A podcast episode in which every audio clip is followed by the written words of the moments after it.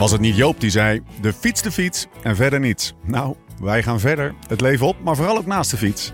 Dit is de Live Slow, Ride Fast podcast. When love ain't winning, the mood starts swinging. The devil's grinning, he keeps on singing. Hearts get heavy in times and enemies. Gruppetto a Parol, het genootschap van Italofielen van de hoogste orde, is al completo en staat niet stil.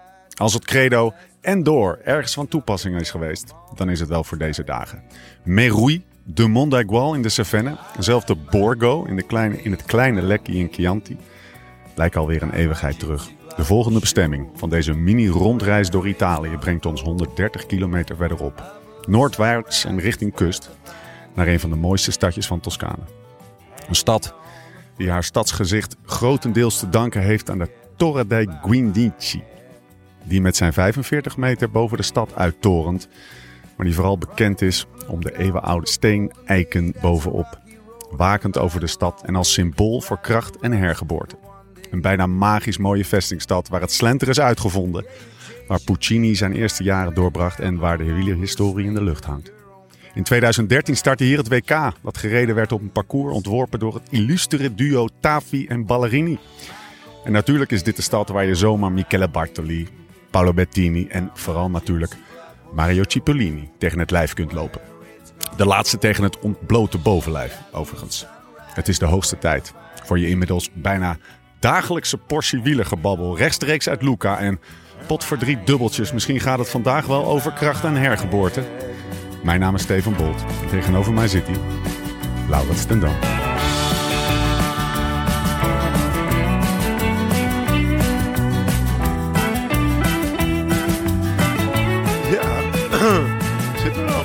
Waar zitten we? Beschrijf Nou, dit we maar zitten vlakbij... eh nou ja, we zitten in Monte Carlo, hoorde ik. Ze wilden Bauke Mollemaal bijna opbellen. Huh? Vragen... Er is hier nog geen cent belasting de betaald. Marie, Thomas... eh ik verklap meteen maar dat Thomas er al, eh, alles aangeschoven. Die wilde het casino in. Maar eh, er bleek ook een Monte Carlo iets ten noorden van, van Luca te liggen. Maar we zitten boven op een, nou ja, op een, op een berg, een mond. Hè? Een prachtige berg. We kijken uit over de omgeving. Eh, het is hartstikke stil. We hebben geen omgevingsgeluid. En Achter ons.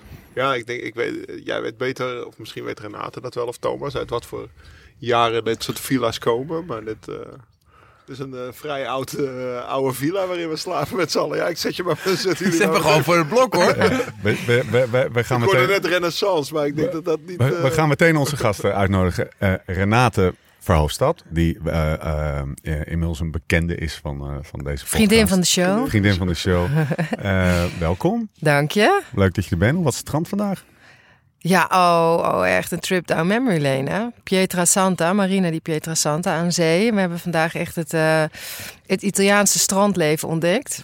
Luca ligt vlak bij de zee. Luca ligt vlak bij de zee, dus ongeveer 25 minuutjes, een half uur in de auto. En dan rij je naar de Versilia. Daar heb je mondaine badplaatsen zoals Forte da Marmi. Wij zaten vandaag eh, één niveautje daaronder in Pietra Santa. Daar had ik, toen ik in Luca woonde, had ik daar een, eh, een parasolletje. Dus dan, dan betaal je een, een, een, bepaald bedrag per jaar. En dan kun je elke dag je autootje keurig bij de bagno parkeren. Ja. Een pastaatje eten tussen de middag en een duik nemen in zee. Het is, het is eh, wat dat betreft, ik had daar nog nooit van gehoord, maar ik vind het een fantastisch systeem. Je koopt dus een, het recht op het gebruik maken van een, ja, wat is het, een, een, een parasol deluxe of zo? Ja, je, je, je, je huurt eigenlijk een stukje strand en daar staat dan een parasol met twee lichtbedjes en een, en een stoeltje. En dat betekent dat, eh, ik weet nog dat ik voor het eerst eh, zelf op vakantie ging naar Italië. Toen zat ik in Viareggio, toen liep ik met een vriendin van mij het strand op. Toen kende ik de regels nog niet, zeg maar, de gedragscode van het Italiaans strand vieren. En, eh, en ik weet nog dat ik gewoon maar onder een parasol ging zitten en dat de bagnino, de, de badmeester, naar me toe kwam en zei, nee, nee, nee, nee, je kunt hier niet gaan zitten. En ik dacht, hoezo? Het hele strand is leeg. Maar later ontdekte ik dus dat al die parasolletjes voor een seizoen worden gehuurd. Dus ik betaalde in mijn geval dan 900 euro. En dan kun je van eind mei tot eind oktober... kun je op ieder gewenst moment van de dag... kun je onder je eigen parasol plaatsnemen. Weet je zeker dat er nooit iemand anders op die plek zit. Thomas, Ja, hoe was het om een stapje lager eh, je tussen het gepeupel te begeven? nou, ik moet zeggen, eh, dit was mijn banjo. Toen ik in Italië woonde, ehm, ging ik eh, regelmatig eh, naar Stella Bianca in eh, Marina di Petra Santa. En ja, dit is een hele fijne banjo. Ehm, de mensen die daar natuurlijk werken, Ehm, zijn over het algemeen allemaal mensen uit Luca. Ja. En de gezinnen die daar dus die parasol hebben en het bedje, die komen ook vaak uit, uit Luca. Dus het is een beetje ons kent ons. En ja, je hebt een kabinetje waar je je zwembroek, eh, je speeltjes voor de kinderen, Ja. je handdoeken Dat is handig. en je dingen kan neer, eh, neerleggen. Niet dat gesjouw in Nederland met strandtassen. Nee, en, eh, precies. En het is natuurlijk een Italiaan. eh, ja, het is prachtig om te zien. Ehm, de kinderen hebben schoolvakantie ruim drie maanden. En eh, ja, ook in Italië heb je natuurlijk dat mensen veel vaker met z'n tweeën moeten gaan werken Ja. om eh, ja, het leven te kunnen te leven wat ze willen leiden. En eh, ja, dan zie je heel veel opa's en oma's eh, met kinderen die gewoon maandenlang op het strand liggen. Smiddags een eh, prosciutto melone of een pastaatje. Drie keer per dag een ijsje. En s s'avonds weer haartjes wassen.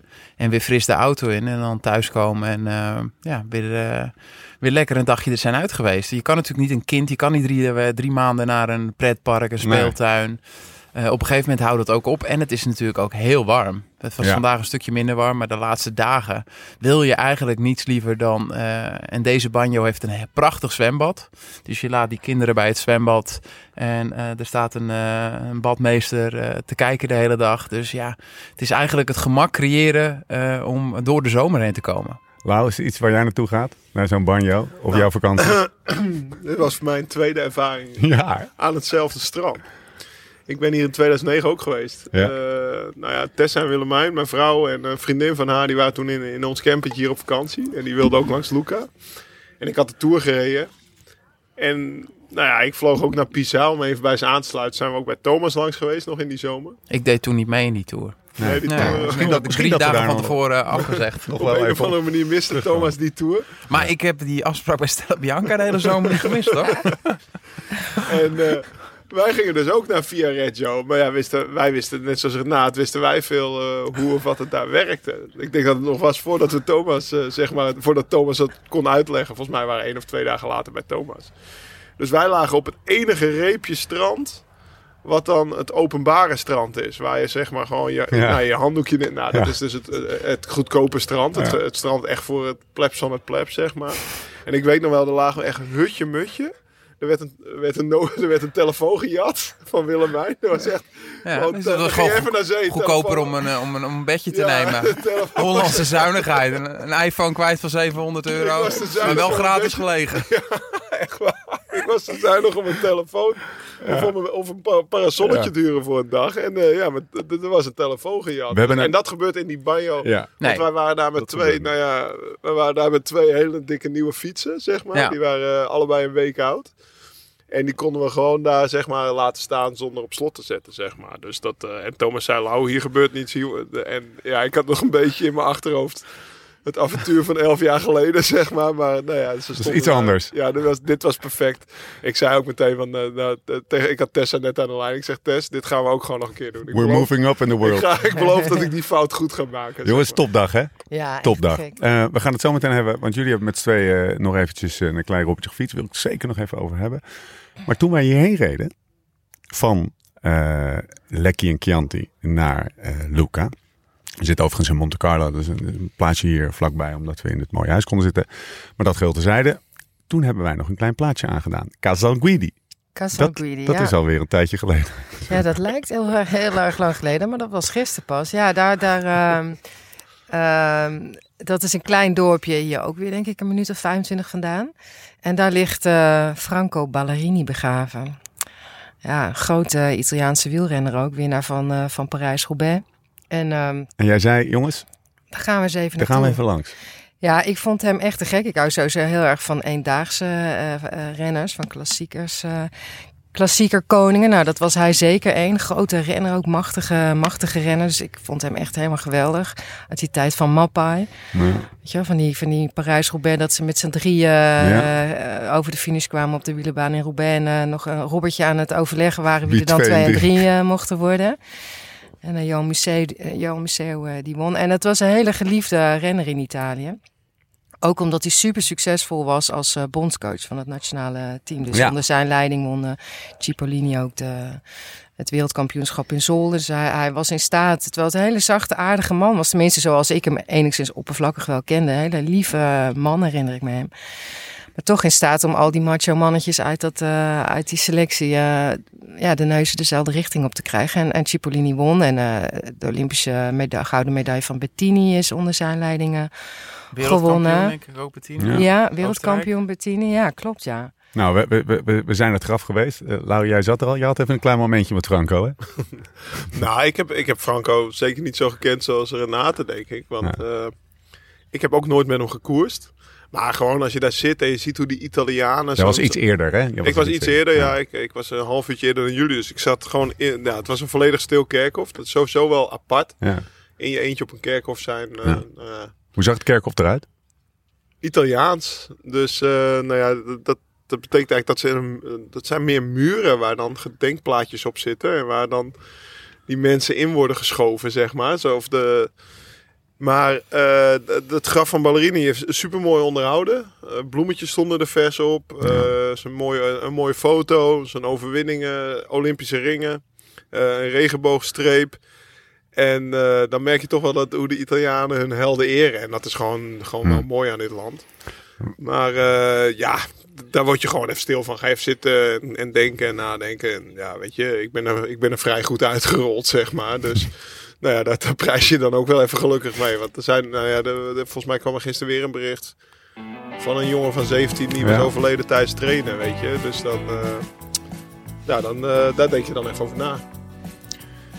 Ja, we gaan zo meteen uitgebreid in op de wonderenwereld van Thomas en Renate. Hier in het mooie Luca. Maar we gaan eerst even luisteren naar onze vrienden van The Meat Lovers. Want met The Meat Lovers krijg je de allerhoogste kwaliteit vlees online besteld en bezorgd bij je thuis. Met de Meat Lovers breng je een restaurantervaring bij je thuis. Lekker in je eigen vertrouwde omgeving, maar met de kwaliteit die je in een restaurant zou verwachten. Volle bak genieten dus. En hoe jouw kookkunsten ook zijn, de Meat Lovers heeft producten voor keukenprinsen en prinsessen op alle niveaus. En ze helpen je graag verder om jouw kookkunsten te perfectioneren. Ga dus meteen naar themeatlovers.nl slash podcast. Je krijgt daar namelijk nu met de code Live Slow Ride Fast 15% korting op je bestelling. En alsof dat nog niet genoeg is, geven we elke aflevering van de podcast een Vuurkoning barbecue pakket weg. Ter waarde van 100 euro. Het enige wat je moet doen is je even inschrijven op themeatlovers.nl slash podcast. Dus knal maar aan de barbecue. Door met de show. Thomas, toen jij met Lau op de fiets stapte Ja. vanmiddag en, eh, en hier eh, de heuvel afrolde, wat ging er toen allemaal door je heen? Nou, we waren, we waren behoorlijk unisex. Die zagen er We scherp reden op uit. dezelfde fietsen. We reden op de, we hadden hetzelfde outfit aan.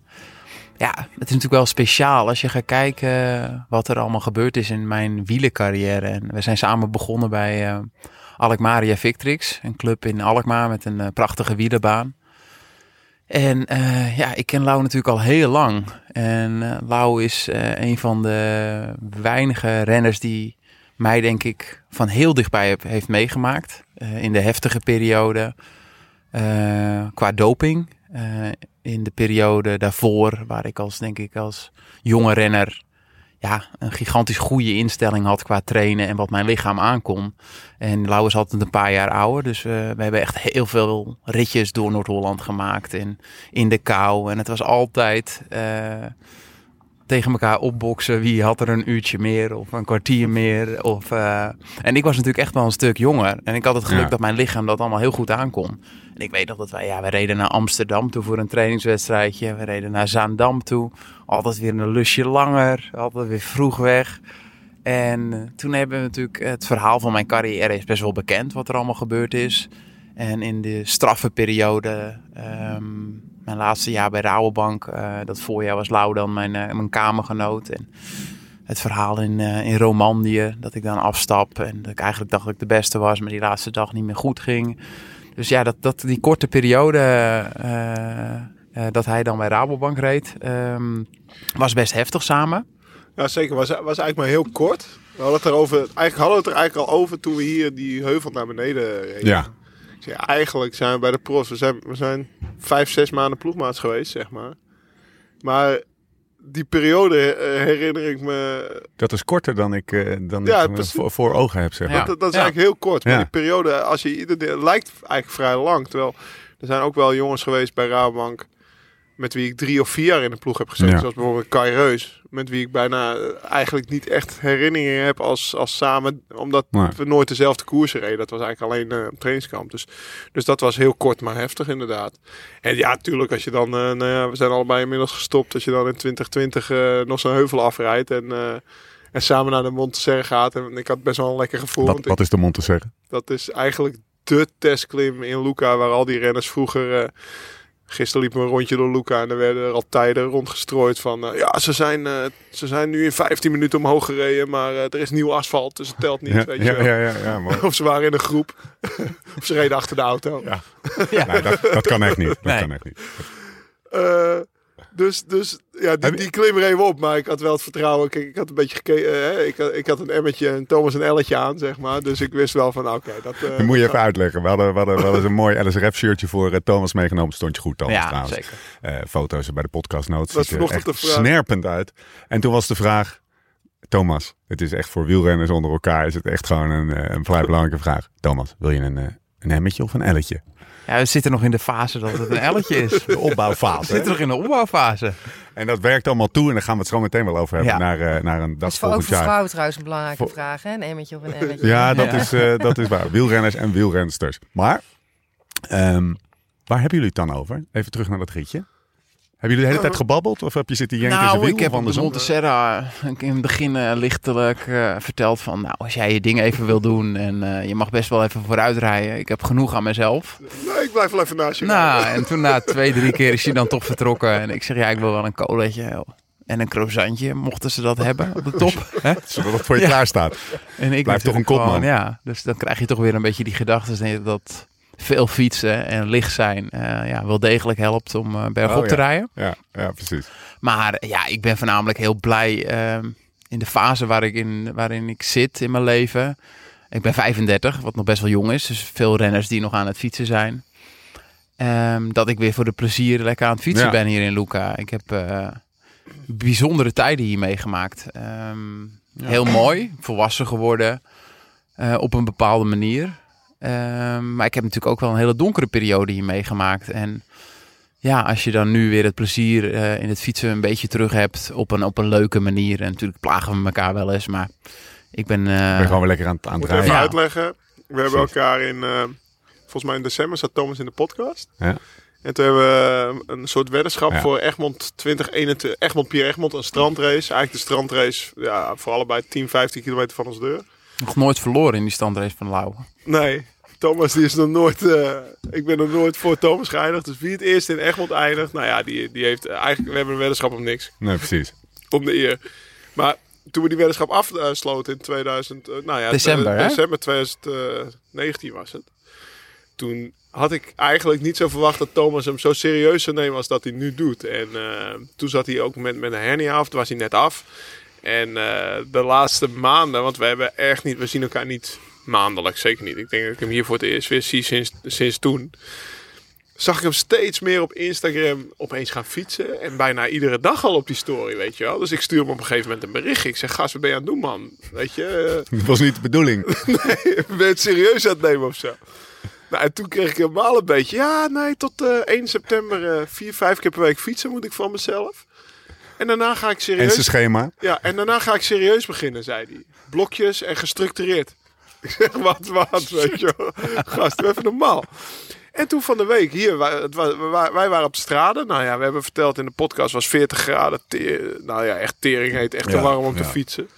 Ja, nee, ik zat vanochtend half zeven op de fiets om de warmte voor te zijn. En, eh, Thomas Dekker, half Ja. zeven op de fiets. ja, ik zeg, dat heb je in je carrière nog nooit gedaan. Doe normaal, weet je. Ja, en hij, hij, eh, Thomas is vrij extreem. Dus als hij drinkt, dan drinkt hij veel. En inmiddels drinkt hij al twee jaar helemaal niks. Dus hij zegt ook tegen me, ja, ik voel echt mijn lichaam reageren. Ik drink niet meer. Ik, eh, ik fiets vijf keer per week. En, eh, zeg maar, de kilo's vliegen eraf. Je Dus hebt het echt hervonden, hè? Je bent echt, begon me echt eh, zo- Nou, ik kijk... ben je het eh, nooit kwijtgeraakt. Ik, nou, nee, het wielrennen, de, de passie voor het wielrennen. Ik ben echt op plekken in de wereld wakker geworden. Of het nou een boot was, of een, een, een hotel, of een, uh, langs een hotel bij een zwembad. Dat je ik altijd gewoon eerst op mijn telefoon, als er dan nog batterij was, even Pro Cycling Stads. of het nou dan... Dat is er nooit uitgegaan. Nee, het is er nooit uitgegaan. En um, op een gegeven moment weer toch even de, de, de livestreams uh, zoeken vanuit uh, LA. Uh, om de koers even te bekijken. Je hebt, je hebt vijf jaar in, in, ja, in, in LA gewoond. gewoond. En dat, dat, daar werd ik natuurlijk totaal niet geconfronteerd en getriggerd met wielrennen. En toen ik terug was, dacht ik van ja, ik ben niet meer elke avond aan het feesten. ik word eigenlijk gewoon eens volgens vroeger wakker. En het heeft even nog wel een tijdje geduurd uh, om het besef te krijgen van ja, nou, misschien kan ik gewoon beter wat gaan sporten. En die hernia kwam er over, uh, overheen nog. Nou ja, dat weet je, dat is gewoon heel lastig. Ja. En um, ja, toen had ik, ben ik natuurlijk die weddenschap aangegaan. En dan denk je natuurlijk, je hebt heel veel tijd. Dat is natuurlijk gewoon, was nog wel meer dan een jaar. Maar toen dacht ik op een paar maanden terug van ja, ik kan dat wel heel stoer gezegd hebben. Maar tot 1 september moet ik toch wel een soort van basisje. In ieder geval dat ik dan niet alle pijntjes ga krijgen als ik dan pas begin met fietsen. Want dan is het echt te kort. Kijk, ja. Lau is net gestopt. Lau um, uh, ja, is echt een liefhebber en is altijd uh, ja, redelijk blijven door uh, fietsen. Ook zelfs dit jaar.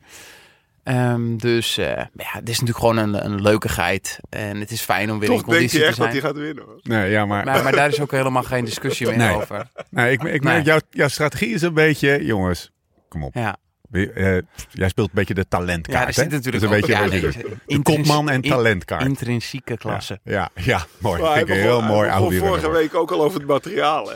Waar rij je eigenlijk mee, Lau? Ja, met ja. welke banden, met welke fiets? Met, eh, dus dat heb ik hem wel een beetje Jaren uit geweest, werd helemaal niet. help, Tubeless en zo. Ja. Ja. Ja. nee, maar ik help hem graag. En ik vind het alleen maar tof dat, eh, dat hij eigenlijk ook de plezier in de fiets... Ik had, Ja. ik had vorig jaar om deze tijd echt niet verwacht dat, ik, eh, Nee. dat, dat hij nu Montserrat op zou rijden. Dat is echt een vieze klim, hè? Ja. Ik bedoel, het is niet een testklim voor niks. En Nee. eh, ik bedoel, het is nog wel wat anders dan die, die, dan die Col du Glas die we, Ja, die ja, we precies. opreden. Dus eh, nee, tof. Echt leuk.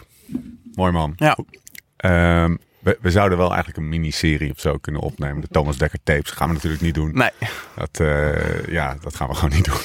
Eh, maar waar we het wel over kunnen hebben, is het over het stadje. Ja. Waar wij, waar wij, wat we nu zien liggen vanaf, eh, vanaf dit, dit bergje. Ehm, en daar heb je samen met Liedewij gewoond. Of met, sorry, met Renate gewoond. Goedemorgen. Dat, dat is al de vijfde keer dat we die fout maken trouwens. Sorry Liedewij. Ehm, Ja, ze zitten ook gewoon echt in één blikveld. ja, precies. Dat zou, zou ermee te maken kunnen hebben. We Dat hebben- toevallig we hebben meteen- hier ook is. Heb jij al met haar gepraat? Ja, hoe ga ik me hieruit praten? Maar Renate, jij hebt er ook gewoond. En daar gaan we het over hebben. Want daar is veel gebeurd in dat, in dat kleine vestingstadje. Wat is het voor stadje, Goeie cliffhanger wel. Ehm Luca is een, eh, een middeleeuws eh, vestingstadje.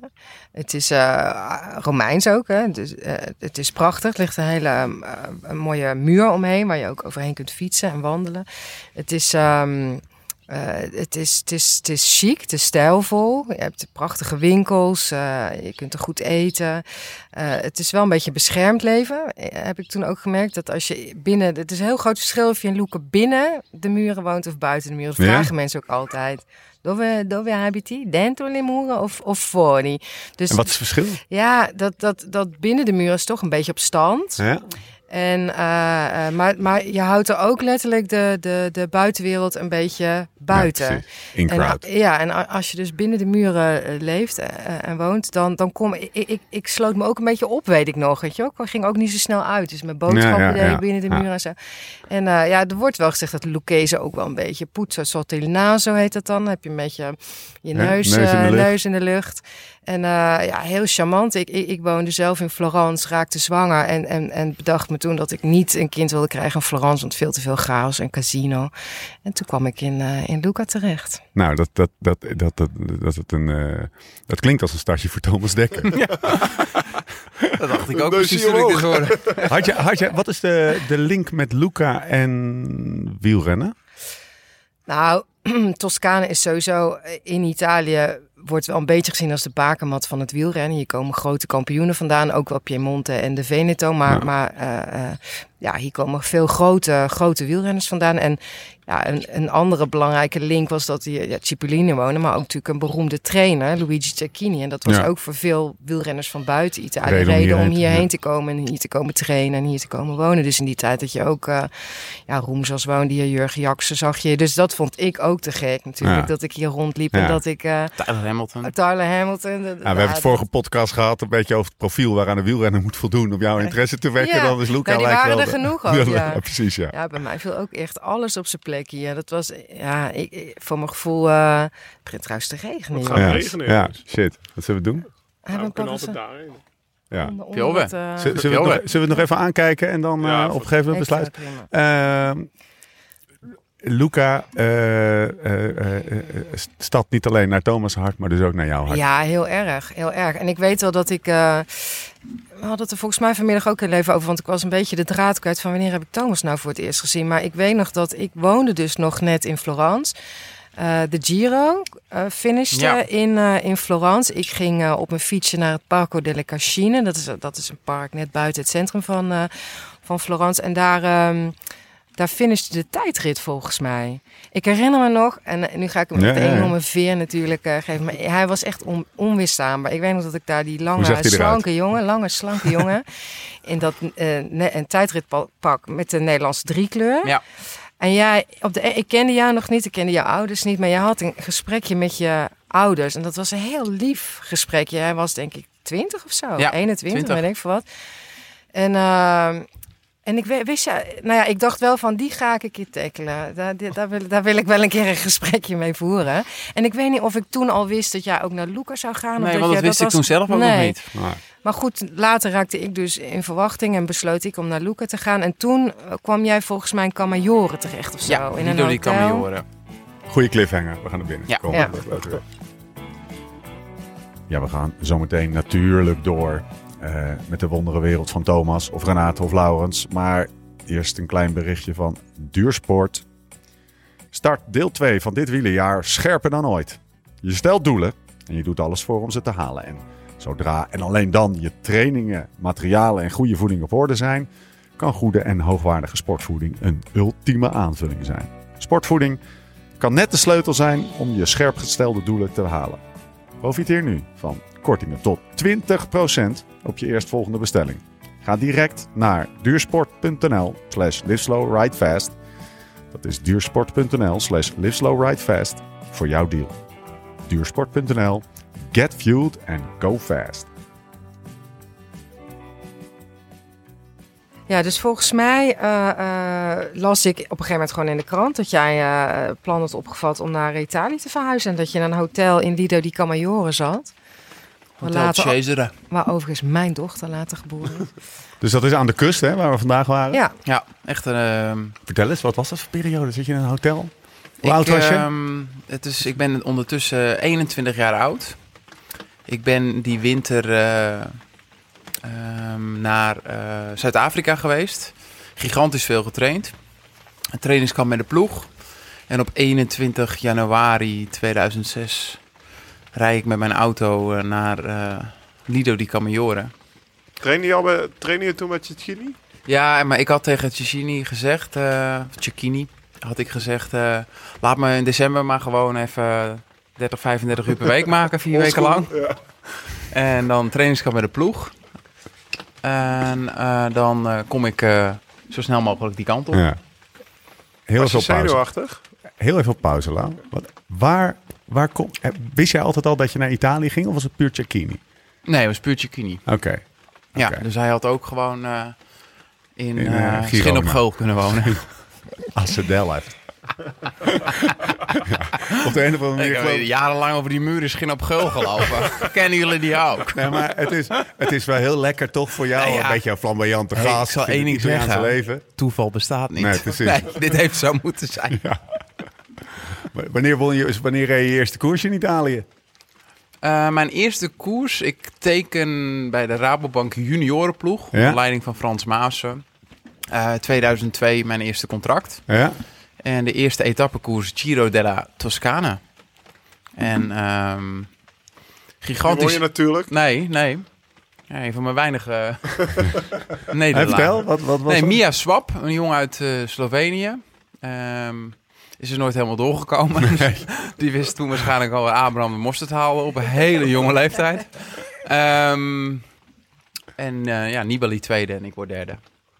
Je een WK ergens nog, hè? In eh, het jaar ja, daarna. de jaren, jaren daarna ik ga ik over naar eh, de belofte van Rabobank. En twee jaar later, mijn laatste jaar in de onder de 23 categorie, eh, ehm, sluit ik mijn wielencarrière af in eh, Verona. Bij de Ja. belofte dan. Ja. Bij de belofte. Ja, dat, dat is toch het einde van een tijdperk. Twee keer tweede. Kan je mij vertellen wat het eh twee tweede Ja, achter... dat kon eigenlijk niet. achter Eh volgens mij keer- Brajkovic. Brajkovic, ja. Oh, twee keer Brajkovic. Nee, Twee keer. Brajkovic? Siutsu. Ja, Ah, oké. ja. En die is pas vorig jaar gepakt, hè? Dus die heeft het heel lang volgehouden. Nee, maar ik weet nog, Thomas, dat jaar van bij Rabobank, dat, we- dat- nou ja, dat is zo'n misschien een uitgespit verhaal, maar volgens mij had je alle tijdritten gewonnen dit Ja. jaar. Ja. En daar werd hij tweede. Het ging vrij Dat lekker met Thomas eh, Dekker. uh, op ja, die maar rit dat na. WK, dat was volgens mij een teleurstelling. Of Ja. ik weet nog heel goed dat ik tweede was geworden. En dat ik eh, huilend in mijn hotelkamer in mijn eentje zit. En dat ik dacht van, ja,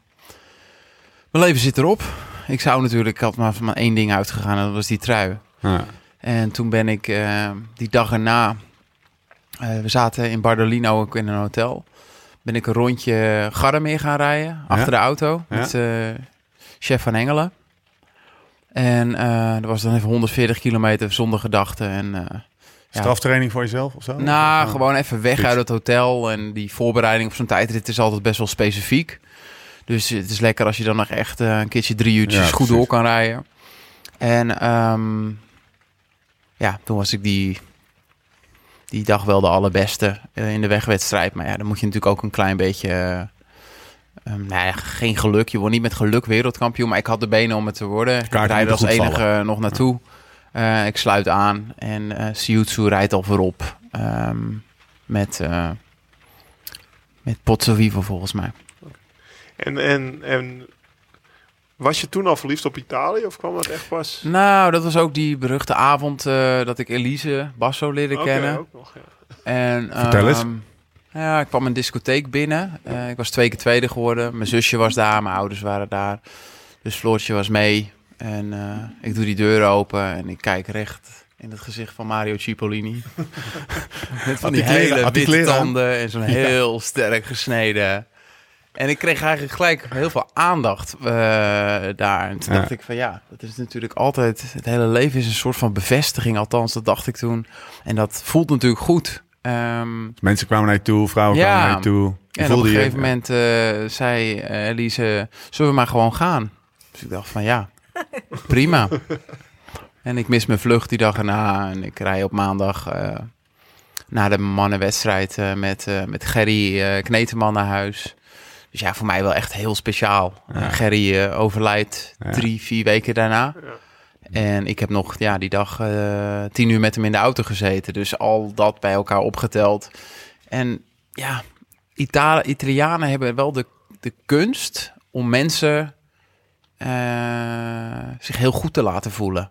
En zeker als er een soort van hiërarch, hiërarch, eh, hiërarchisch, hiërarchische elementen in zit. eh, ja, van sport of eh, dokter zijn of op Ja. televisie werken of in de muziek zitten of de knapste van het dorp zijn. Het zijn, het Ja. zijn de meest absurde dingen Ja. die je maar kan verzinnen. Maar ze houden overal een haakje om die mensen te eren. Ehm, en ja, dat voelt natuurlijk op een jonge leeftijd heel goed. Nou, het voetstuk is hoog in Ja, Italië. ja. en je kan Ja. er ook best moeilijk van afvallen. Dus jij, ja, precies. Jij zat in de auto met Kneteman. Je Ja. dacht, fuck, dit is wel even een lekker tripje Nou, geweest, ik had natuurlijk een hele... Kijk, eh, wat ik in het begin vertelde, Lau en ik eh, zijn begonnen bij Alkmaria Victrix. En op een gegeven moment begon de dochter van Gerry daar ook, Roxane. Ja, Dus die kwamen wij regelmatig tegen. En hij had mij eh, toen al geselecteerd voor de Olympische Spelen, een paar maanden daarvoor. Dus ik reed als amateur al de tijdrit bij de, op de Olympische Spelen.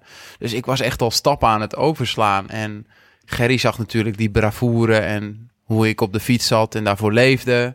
En ja, toen waren de valkuilen nog niet zo zichtbaar als dat ze later eh, nee. bleken te zijn. Dus op dat moment, ja, als je achteraf gaat kijken, is dat ook de allermooiste tijd. Ik reed vandaag met Lau eh reden we op een gegeven moment eh, hier vlakbij San Giuliano Terme. Ja. En de week voor dat WK liep ik, eh, mocht ik nog stage lopen bij de, bij de profs. Dus ik had Reinhard Vals eh, een rit gewonnen, eh, twee ritten gewonnen. En toen vloog ik Hij naar... was allemaal nog amateur. hè? Toen was ik Ja, nog amateur. ja, ja. En toen vloog ik naar Italië. Dus ik landde op Pisa.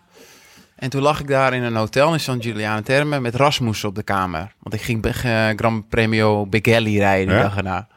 En ik weet nog dat Rasmus eh, een dikke jas aan. Het was super warm. En ik gewoon aan mijn sokjes en mijn broekje zonder zweetshirtje de Monteserre op. En hij dacht natuurlijk mij, die gaat, hij wel, hij gaat me wel losrijden. Maar dat ging natuurlijk niet. Want ook ja, ik, eh, ik was echt goed in orde toen. En eh, we kwamen boven. en We gingen, we gingen naar huis masseren. En die dag erna wint uh, Ulrich, wint Begelli. En ik word zesde. Erasmus- Erasmus leek ik nergens te bekennen. Nee, Nee, nee. En, eh, ja, en toen na het WK, dus dat waren natuurlijk wel bijzondere maanden. Ja, het was ook al duidelijk dat je prof ging worden. Ja. dat lag Wat allemaal vertelde aan je tijdens die rit? Weet je nog iets Ja, specifieks? zeker. Of, eh, Ja, het is heel, heel, heel bijzonder. En zeker achteraf, eh, door het overlijden. Eh, wat op dezelfde dag gebeurt als Theo van Gogh. Dus dat werd natuurlijk al een beetje Ja. ondergesneeuwd. Ja. En ehm, ja, over het leven en over de dood. Waar hij heel erg mee bezig was. En dat is natuurlijk extreem raar op die leeftijd. Rond de 50 jaar oud. Ehm, Hoe kwam dat onderwerp te sprake dan? ja, dat, dat, dat, dat praten we. Ja, ik ben natuurlijk wel een makkelijke prater. Ehm, maar hij, snijde, hij sneed dat onderwerp aan. Ik, ja, op, op 20-jarige leeftijd begin je daar natuurlijk niet over. En ehm, ja, dan een paar weken later een hartaanval. En eh, vertrokken was hij. Dus ja, dat voor mij was echt wel een hele bijzondere periode. Ja. En toen mijn eerste jaar dat ik prof werd, ehm, in 2005, reed ik best al wel veel koersen van de Amstel tot Romandie. eh, maar ook daarna gelijk de Giro. Vliegen op eh, Reggio Calabria in het zuiden van, eh, van Italië. Putje. Ja, Het putje alle van Italië. vitamines eh, die we hadden gekocht, de visolie, alles moest weggegooid worden. We hadden een. eh, Waarom? Waarom? Omdat ze bang waren dat er dingen waren die niet mochten. Oh, ja. Wat helemaal niet het geval was. Het was echt een, een, een ploeg die heel groen was. Misschien op Alexander Kolopnev na. Ehm, en we kregen een eh, geel doosje Supradien Forte. En ik weet nog dat ik echt dacht van wow. Nou ja, eh, weet je wel, het ging gewoon ook allemaal. Ik reed top 10 in de tijdritten. En eh, ja, ik werd 70 in het eindklassement. En ik, ik rolde gewoon ook op, op talent wel zo'n grote Maar ronde ik uit. weet nog wel volgens mij dat je, want we hadden toen wel contact, dat je de laatste week dat je wel, eh, dat je het niet leuk meer vond. zeg Nee, maar. het dat wel- je op je knieën zat. Er was zeg een weekend. Nee, maar ja, weet je, achteraf denk je ook op je knieën. Maar er starten natuurlijk 200 man bijna. En je rijdt die, die tijdritten. Ik weet nog dat ik hier een Lamporecchio, vlakbij hier, eh, zeven man inhaalde. Weet je wel, dus het, weet je wel, je had natuurlijk al even goed nog wel je houvast. Maar het, was een weekend en die, eh, daar wint Parra, In die Colombiaan, die wint twee Ja. ritten. Ja. En dat was eh, twee dagen achter elkaar, 11.000 hoogtemeters en 15 uur op de fiets. Ja, dat en zijn ik weet nog dat ik die- extreme etappes Ja, voor, dus- de, voor de luisteraar. en ik verlies twee keer 40 minuten. En ehm, dus ik kom in de bus binnengerold. En ik zit daar s'avonds onder de douche met een koortslip, huilend. Dat ik echt dacht van, ja, dit in de toekomst moet dit anders. Want er Ja. klopt hier iets niet. Ja. En, als, en dan, eh, dan even fast forward naar 2006. Zes. Ja, dus die, eigenlijk dat seizoen maak ik af. Ja. Ik vlieg voor het eerst, ik rijd het WK in Madrid. In eh, de wegwedstrijd word ik vijftiende. ja. Ehm, ik rijd de laatste ronde met Valverde naar de kopgroep en zij moeten sprinten. En Bonen wordt daar natuurlijk eh, glorieus eh, wereldkampioen. Nou, Tommeke, een, Tommeke. een avond in een discotheek, eh, Tom zijn trui kwijt, eh, helemaal naar de tering. Maar wacht, ja, ja, Tom dat is. Tom, Tom, Tom wordt wereldkampioen. Ja. Jullie gaan met z'n allen naar dezelfde discotheek. ja, Dus noem eens even wat namen van gasten die daar waren. Nou om ja, een gewoon een iedereen die je maar kan bedenken. Ik weet nog dat ik eh, een taxi terug heb gepakt met Matthias Kessler Ja. en Joost Postuma. Dat is allemaal je beste vrienden. ja, hey. Hoi, hoi, hoi. En, eh, Die taxi even omgeduwd natuurlijk. Ja, nee, taxi op zijn kant. En eh, eh, wij komen in het hotel aan en ik vlieg naar huis. En ik vlieg gelijk eh, door naar Italië om mijn eerste kennismaking met, eh met eh Cecchini. En eh, vanaf dat moment dacht ik, ja, een van de allerbeste trainers in de wereld. Wel een stap, hè. Dat is wel even een stap, ja. Ja. Je zegt dat nu je, je makkelijk. weet natuurlijk niet waar je aan begint, hè? Nee.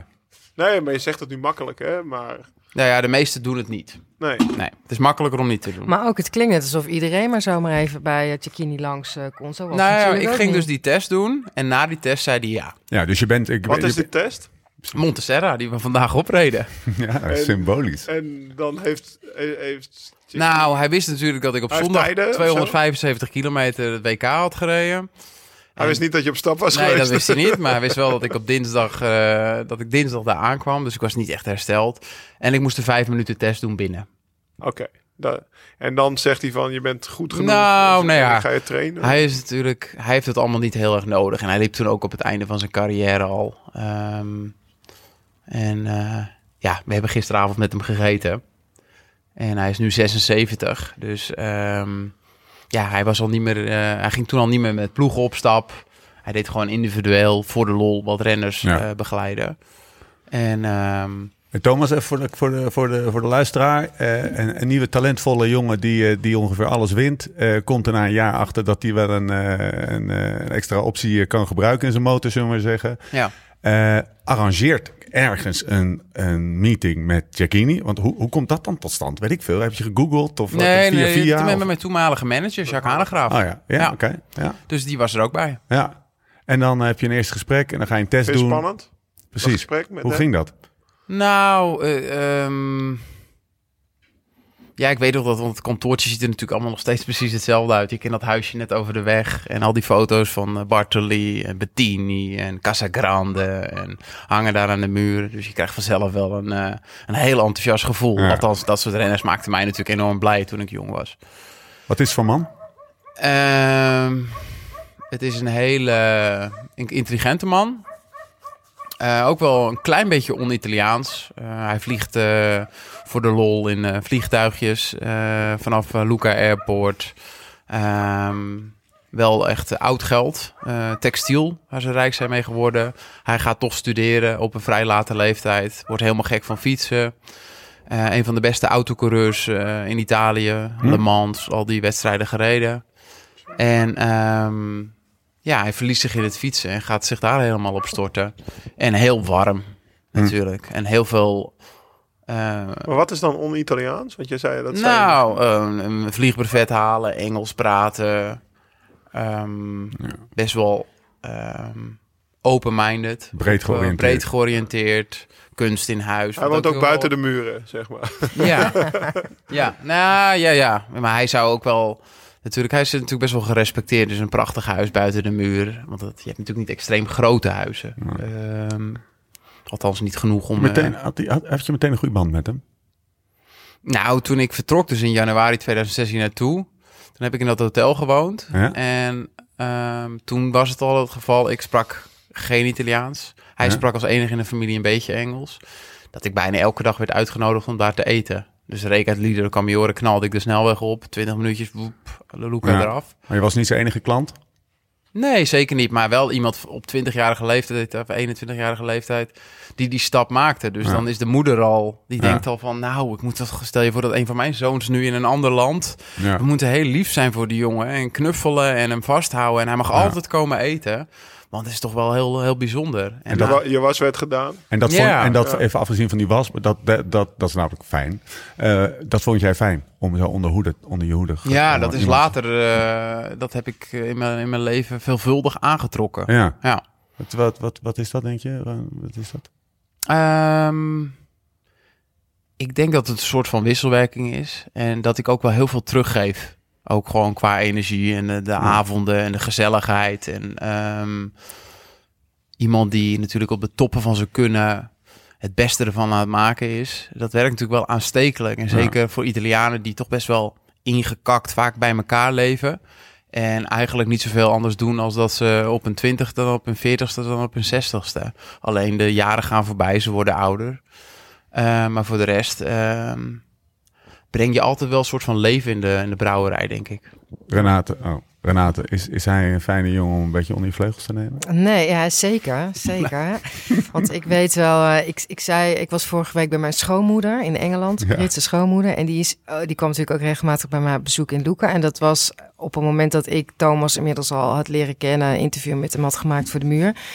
En ik woonde natuurlijk inmiddels ook in Luca. Dus het was lag voor de hand dat hij af en toe bij mij aankwam waaien. En na een training een keer een pas dat je mee kwam eten of wat dan ook. En, en ik zei van ja, ik ga terug naar Luca. En ik zie Thomas ook. En die, die zei ook, oh Thomas, weet je wel. Dat is inmiddels zoveel jaar geleden. Nou, die was ook echt helemaal verzot op hem. Hmm. Eh, en, eh, en ik vond het ook heel gezellig. Ik ben eh, wel volgens mij een jaartje of tien, elf ouder dan, dan Thomas. En toen wij dat, ehm, ik heb dus volgens mij dat interview met jou gedaan, datzelfde jaar. En dus ook in 2006 had jij niet de Tirreno al gewonnen of zo? Heb je die toen dat voorjaar gewonnen? Ja. Dus hij gold zeg maar als de grote belofte. Kwam naar Italië, had de Tirreno gewonnen. Ik, ik wilde een verhaal met hem maken over...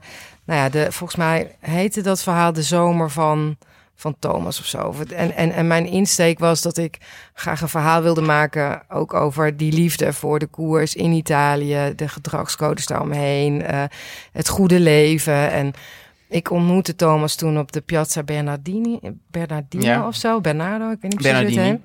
En eh, hij was dus inmiddels al een half jaar onder de vleugels van de Cecchini's. En op dat plein... Wist jij dat? Was dat? Is dat gewoon... Ja, eh, ja, dat wist ik. Ik wist dat hij hier met Cecchini trainde. En eh, eh, op dat plein zit eh, een van de duurste winkels van Luca, van de zoon van Cecchini. Daar, daar, nou ja, daar, daar eh, moet je wel een flinke creditcard mee naartoe nemen als je daar eh, een uurtje wilt shoppen, zeg maar. En, eh, en, en ehm, Thomas En- niet hoor.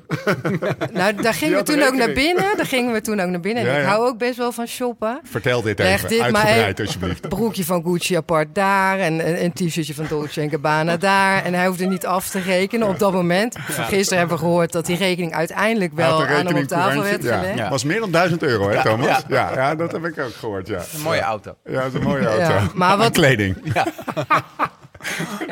Ik klap even met mijn oren. Ja. Ja.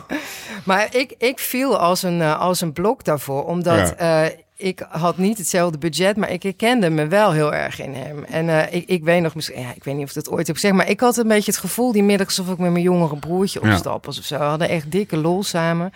En ook later, toen de kritiek een beetje aanzwol over op het, de le- levensstijl die hij zich een beetje had aangemeten, was ik wel daar volgens mij coulanter in. Omdat ik ook zo begreep dat, dat, dat je daarvoor kunt vallen. Ik had dat denk ik, als ik 21 was geweest en ik had het geld verdiend wat Thomas op dat moment verdiende, dan had ik precies hetzelfde gedaan. Had je ook een jurkje apart gelegd. Had ik ook een paar jurkjes apart laten leggen. zeker Misschien dan weten. geen eh, Mercedes S-klasse, maar een fatsoenlijk polootje.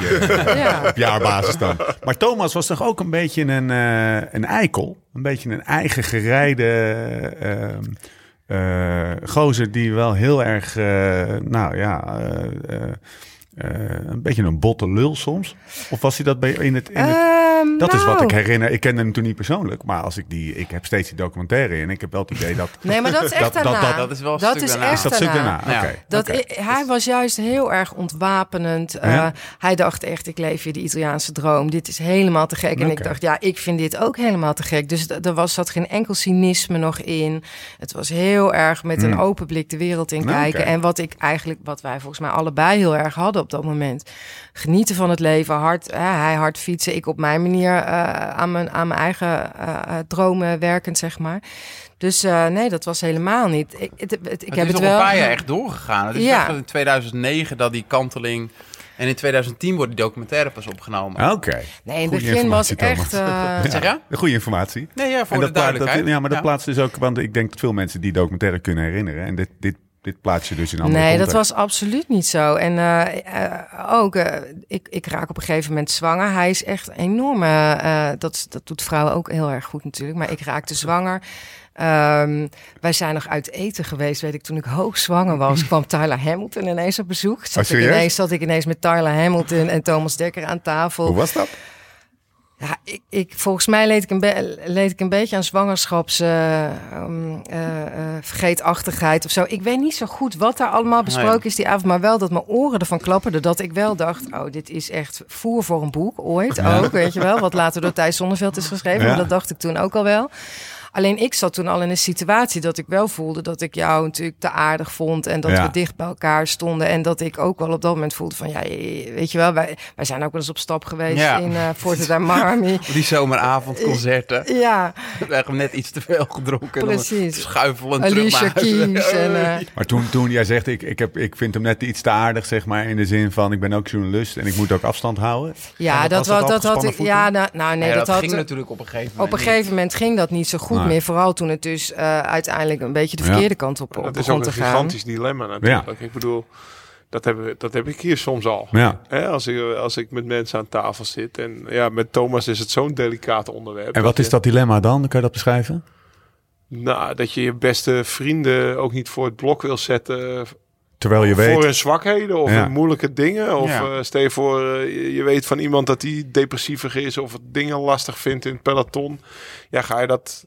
Ja. Dat bespreek je onderling misschien wel. Ja. Maar dat, dat, eh, daar ga je geen verhaal over schrijven. Maar weet ik wel, ik wist op dat en ik durfde de vraag ook nooit te stellen, maar ik wist op dat moment niet wat Thomas zeg maar in zijn vrije tijd verder nog allemaal aan het uitspoken was. Dus wat er die avond ook besproken is, dat ging niet over jou, weet ik nog. Nee. Ik weet wel, want dat heb ik later allemaal gehoord, dat mijn, mijn vriend, mijn huidige man, die is ook een keer met Thomas op stap geweest in Forte da Marmi.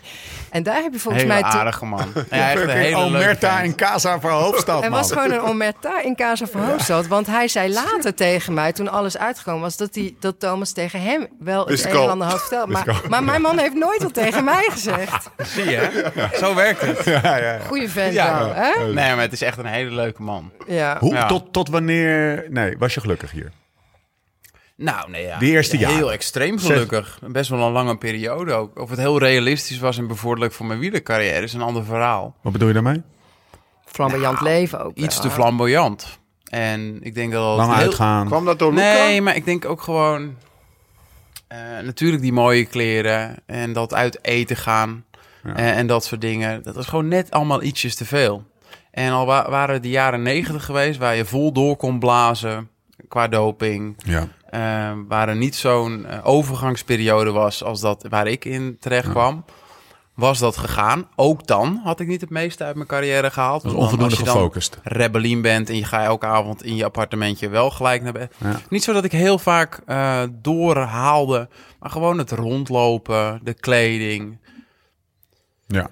Gewoon weinig kant- verantwoordelijkheid nemen voor Ja. het echte leven. Ja. Aan de andere kant... Wat je, wat je zou moeten geregeld. leiden als, wat je Nou, zou moeten leiden als, wiel, als wielrenner. Alles werd geregeld. Hij kwam bij mij, mijn moeder zei, oh zie je Thomas? Oh weet je nog dat we zijn onderbroeken hebben gewassen? Ja. Ja. En zij kwam ook bij mij wel eens een eh was ik, ben, ik ben hier één weekje geweest. In, eh, in nou ja, To- ja, Thomas heeft hier, ja, als je het zegt dan, tussen 2006 en 9 gewoond. Ja. Nou, in 2008 ben ik hier een week we- wezen trainen. Nou, 2010 ook nog en 11 ook nog. Ja, oké, maar dat wij samen Ja. eh, dat ik hem echt van nabij volgde. Of, dat, eh, dat ik bij hem in de ploeg zat.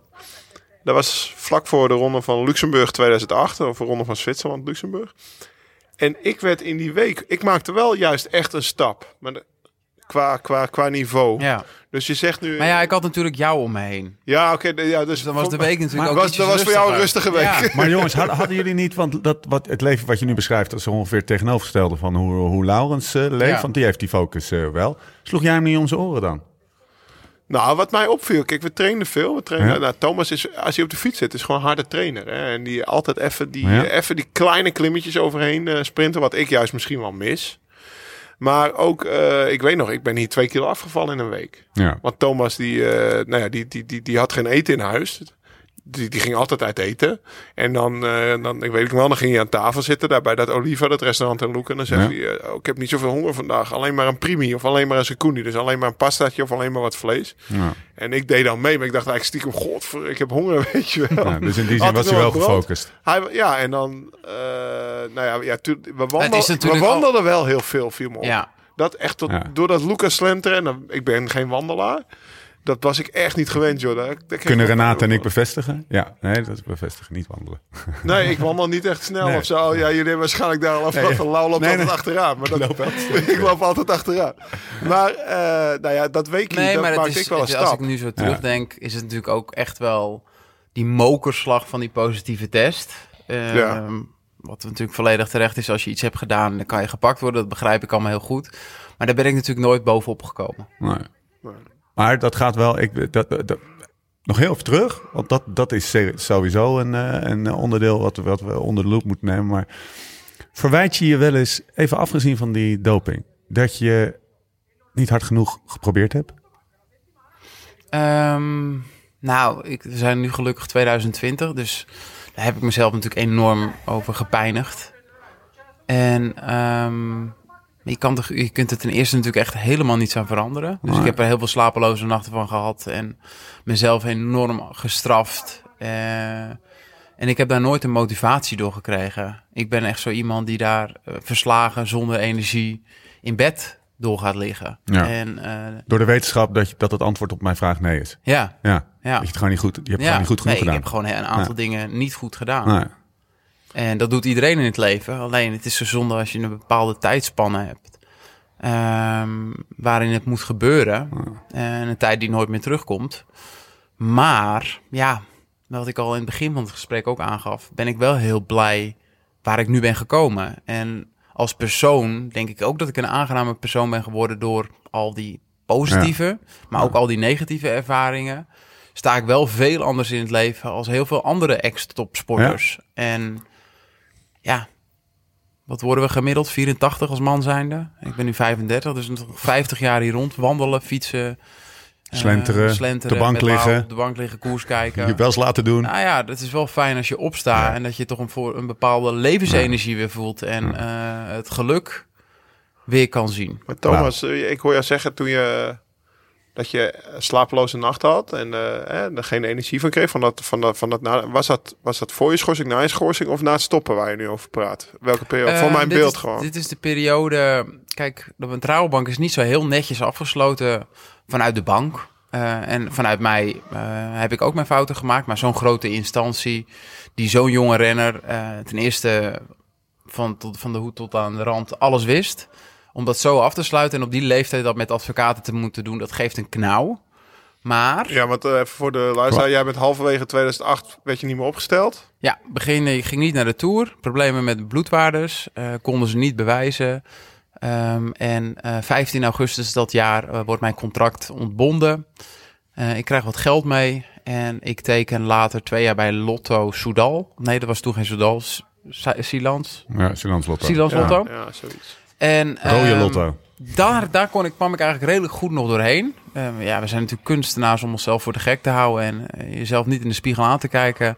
Dus je vindt altijd wel een bepaalde Ja. houvast om door te gaan. Ehm, maar dat is echt de periode vanaf 1 juli. Want ik was echt wel op een goede weg. Ik had geen Ja, dus EPO gedaan. Voor, Maar weet je, jij de- gaat nou een hele grote stap hè. Maar Ja. ik weet ook nog dat eh, daaraan voorafgaand wilde Rabobank jou volgens mij meer voor de publieke opinie en voor het beeld hè, naar buiten toe. Dat jij trainde met Jacquini, een Ja. man waar een beetje sle hè, waar een slecht imago omheen ging, hing. Zij wilde dat jij terugkwam naar Nederland om als, ja, op zijn minst voor de buitenwereld het signaal af te geven van kijk, ik Ja. neem daar afstand van. En ik weet nog dat jij eh, een keer tegen mij zei van luister Renate, ik laat die man niet vallen, want die hebben mij thuis opgenomen als hun zoon. Cecchini heeft mij getraind, maar heeft mij uiteindelijk niet aan, Ja. aan de doping geholpen. Dus jij wilde, dat vond ik, wat je daar ook van kan vinden, vond ik ook wel weer stoer. Dat je je rug recht houdt en dat je denkt, ja, ze kunnen me allemaal wat, Ja. weet je wel. Ik moet nu ook jullie eh, eh, zien te redden eigenlijk. Maar ik laat die man niet vallen, die eigenlijk ook zoveel voor me betekend heeft op het privévlak, zeg maar. Ja. Nee, dat, dat, dat klopte zeker. Maar de, de periode, wat, wat, wat Lau net vraagt, dan die, die fase van die slapeloze nachten, dat begint natuurlijk pas Nice. dan vanaf juli 2009. Ja. Eh, daarvoor kon ik het allemaal zeker nog met die rug recht. Ik sta in mijn recht. Ik ben hier eh, gekomen. Ik ben zo opgevangen, jarenlang. Ik heb een half jaar bij je zoon ingewoond. Ik heb hier een huis gekocht. Dat gaat niemand mij ontnemen. Een soort van rechtvaardigheidsgevoel. Ehm, Maar heeft Chakini wel eens tegen jou gezegd... Gast, echt, ga door. Je moet mij, ik ben besmet, eh, ze, ze willen dat niet. Ga lekker, dat is toch ook een... een ik heb het niet eens met hem over gehad. Oké, oké. Dat soort gesprekken voerde je niet. Ja, wel alles, maar ik vond het niet van belang. Nou ja, ik kan me voorstellen dat hij, dat, dat hij voelt Oh in ja, ik dilemma weet- jou ik weet zit. en zeker dat, daar- hij had gezegd van, nou, we gaan dat, eh, dan ga je dat anders doen, Thomas. Ja. Dan ga je terug. En Maar jouw loyaliteit was zo groot dat je dat gesprek niet aan wilde. Nee, nee. En waar, waar resulteerde dat in? Dat je eigenlijk gewoon doorging met... eh, met Nou, wat ik heb eigenlijk was? daarna ook nooit meer met Chikini getraind. Nee. Nee. Nee, de vriendschap was zo hecht en sterk. eh, geworden dat het eigenlijk een soort van vader-zoon en de vader heeft niet meer zoveel invloed op de zoon. Ja. En je Dus trainingen. wat we eigenlijk in trainersrol. hadden, Ja. eh, Dat gebeurde hier ook. Dat gebeurde hier ook vrij snel. Ja, oké. En dus de, de, de, de trainersrol was uitgespeeld. Het was meer een vader-zoon relatie. Eh, hoe, hoe, toen woonde je nog in Luca? Bleef Ja, gewoon zeker. Luca Ik was in wonen? 2015 verkocht. Dus tussen juli 2011 en nou, in 2015 verkoop je het hier. Dat we, als je het hebt over de gelukkige periode. 2016, ja. Ja, ja, ja, Ja, ja, vijf. zoiets, ja. Nou, als je het hebt over de gelukkige periode was 2006, eigenlijk dat- 2009. ja, tot 2008 zeg Ja, maar. het begin. Ja, 2006 tot en met... eh, ja, eh, ook wel een bijzondere tijd. In die tijd dat ik geschorst werd, heb ik over het algemeen... ben ik ook hier gebleven. Dus daar heb ik echt goed Italiaans leren praten. Het normale mensen. eh, uitgaan. Skiën in de winter. Weet je wat ik me altijd afvroeg? Toch even terug naar die 2006, 2009. Zeg maar de Luca Happy Days. Had je, had je vrienden? Zeker. Ja? ja. Wie waren je vrienden? Ehm, ja, dat waren vrienden eh, van de banjo. Ja? Strand tot eh, ehm, winkels, eh, aperitivo. Dus dat je een, een drankje nog Ja? voor het eten gaat doen. Ik vaak een colaatje light. Ja, ik heb gisteren een klein rondje met hem door Luca gelopen. Had vrienden. Ja. Ja, nou, of in ieder geval, ja. Ik, Hij kende ja. veel mensen. Nou ja, eh, Ja. we stonden om de, om de 50 Ja. meter stil. En eh, het mooiste was eigenlijk bij eh, die winkel, die Mi, Mion. Mode mignon. Ja, Mode Mignon. Daar kwamen de ene naar de andere vrouw uit, dame uit, zeg maar. Ja. En volgens mij stonden op een, zeven, op een gegeven moment zeven winkelmeisjes op straat. En hij werd door iedereen even hard geknuffeld, zeg maar. Dus eh, Ja, er waren er van de Nee, zeven, dat- waren er zes die er toen ook al werkten. En eh, Anna, de vrouw dus van eh eh, Checo, ehm, die heeft die winkel al 55 jaar. En ehm, ja, over het algemeen, als je hier in een winkel gaat werken, dan werk je daar je hele leven tot je pensioen. Ja. Dus al die vrouwen die eh, al Zijn een stuk nog. ouder zijn. En eh, ja, dat is natuurlijk wel heel mooi om, eh, om te zien. Ik kwam daar natuurlijk dagelijks. Niet om te shoppen elke dag, maar Bijna om gewoon even te zitten, koffietje. Stefano was daar. Eh, we lopen nog even de stad dat in. was eigenlijk je beste vriend. Stefano. in ja, de- daar was ik het meest mee De verweven. zoon van De zoon van Maar dat was op een gegeven moment ook heel toxisch. Ja, maar Ja. dat, ja. dat was, wij waren echt twee vrouwen. Die, die met elkaar om van die ruzietjes en die dingen en huilen met elkaar. En, Oh ja. Ja. ja, echt. eh, Hij reed ook met jou, want dat weet ik nog heel goed. Ja. Dat op de ochtend, wij drinken nog een kop koffie bij eh, Stella Polare. Wij nemen afscheid. Thomas, ik ga mijn koffer pakken. Ik vlieg vanmiddag naar, eh, naar, Mo- m- naar m- Monte Nee, ik Carlo. ging met de auto. Oh, ik rij vanmiddag met de auto naar Monte Carlo. Daar zou de tour van start gaan. Ik ga die middag eh, shoppen in de Ikea in Florence. Daar had ik geen bereik. Ik kom de Ikea uit. Ik kreeg echt 50 appjes dat hij positief is bevonden. Ja. Eh, ik word natuurlijk aan alle kanten gebeld door ook allerlei mensen uit Nederland. Van heb je Thomas gezien, Ja. gesproken? Ik had ochtends met hem op het terras gezeten. En eh, ik krijg hem op een gegeven moment te pakken. En toen was je met eh Stefano Onderweg, onderweg naar Milaan, naar een advocaat, Ja. om een statement op te stellen. Had je, heb je, want dit was een beetje de achterliggende gedachte achter mijn vraag. Heb je je vrienden, de mensen die je kende, wel eens weten waarom heeft verdomme niemand meer bescherming genomen? Daar zijn vrienden voor. Nee, want niemand die ik mij kan bedenken, die die invloed zou kunnen hebben. Ik heb, dat is best wel een vervelende eigenschap. Ehm, zeker toen. Ja. Op een gegeven moment eh, is zelfs bij Cecchini die ehm Cipollini, Basso, Ulrich allemaal onder zijn hoede heeft gehad. ja. Eh, Je komt er niet meer doorheen. Hoe dus het komt niet meer aan, de boodschap. Nee, nee, nee, nee. Wie het ook zegt. Ja, Ja, ik, ik, ik herken dat. Want toen je me net vroeg van, van was het niet een naar ventje of zo, dat was hij dus helemaal niet. Maar ik heb wel, en ik weet niet precies wanneer dat dan is geweest, maar ik heb wel een omslag gezien. Dus dat hele ontwapende mannetje eh, die hier met, weet je wel, grote Ja. ogen rondliep. eh, Kleine broertje. Ja, het Ja. kleine broertje die kwam dan ook wel eens bij mij eh, een pastaatje eten of eh, de Giro kijken of wat dan ook. En ik weet nog dat, dat het op een gegeven moment lastiger was om jou te bereiken.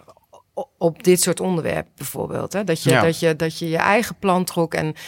en, en, en Bereiken in, eh, in figuurlijke zin. Dat je echt- echt gesprek met hem aankomt. ja. Ja, dat, doorkomen ja. om... eh, ik herinner me nog wel dat, dat ik, ik was dan zwanger of ik had volgens mij mijn kind inmiddels al gehad. En dan zit je als moeder, denk je dan vooral ook aan, het, aan, het, aan de gezondheid van je kind. Zo dacht ik op dat moment heel erg. En ik, en ik wist niet precies wat hij uitspookte, maar ik had natuurlijk wel een beetje in de gaten wat er misschien aan de hand zou kunnen zijn. En ik weet nog dat ik één keer tegen jou zoiets heb gezegd van... Thomas, verdomme, doe het niet. Ik denk aan je moeder, weet je wel. Wat zou die er Ja, wel niet ja, van vinden? ja, zo'n ja, verhaal. ja. Jij had daar helemaal geen trek in dat ik dat ja. zei. Dus reageerde daar toen volgens mij ook van... eh hou even op met me of zo, weet ik Ja. veel. Maar ik weet nog wel dat daar een soort omslag in kwam. Dat jij je meer afsloot, je eigen plan trok... Ja. en wie er ook wat van vond. Ja. dat, want dan, dan, dat klinkt eenzaam.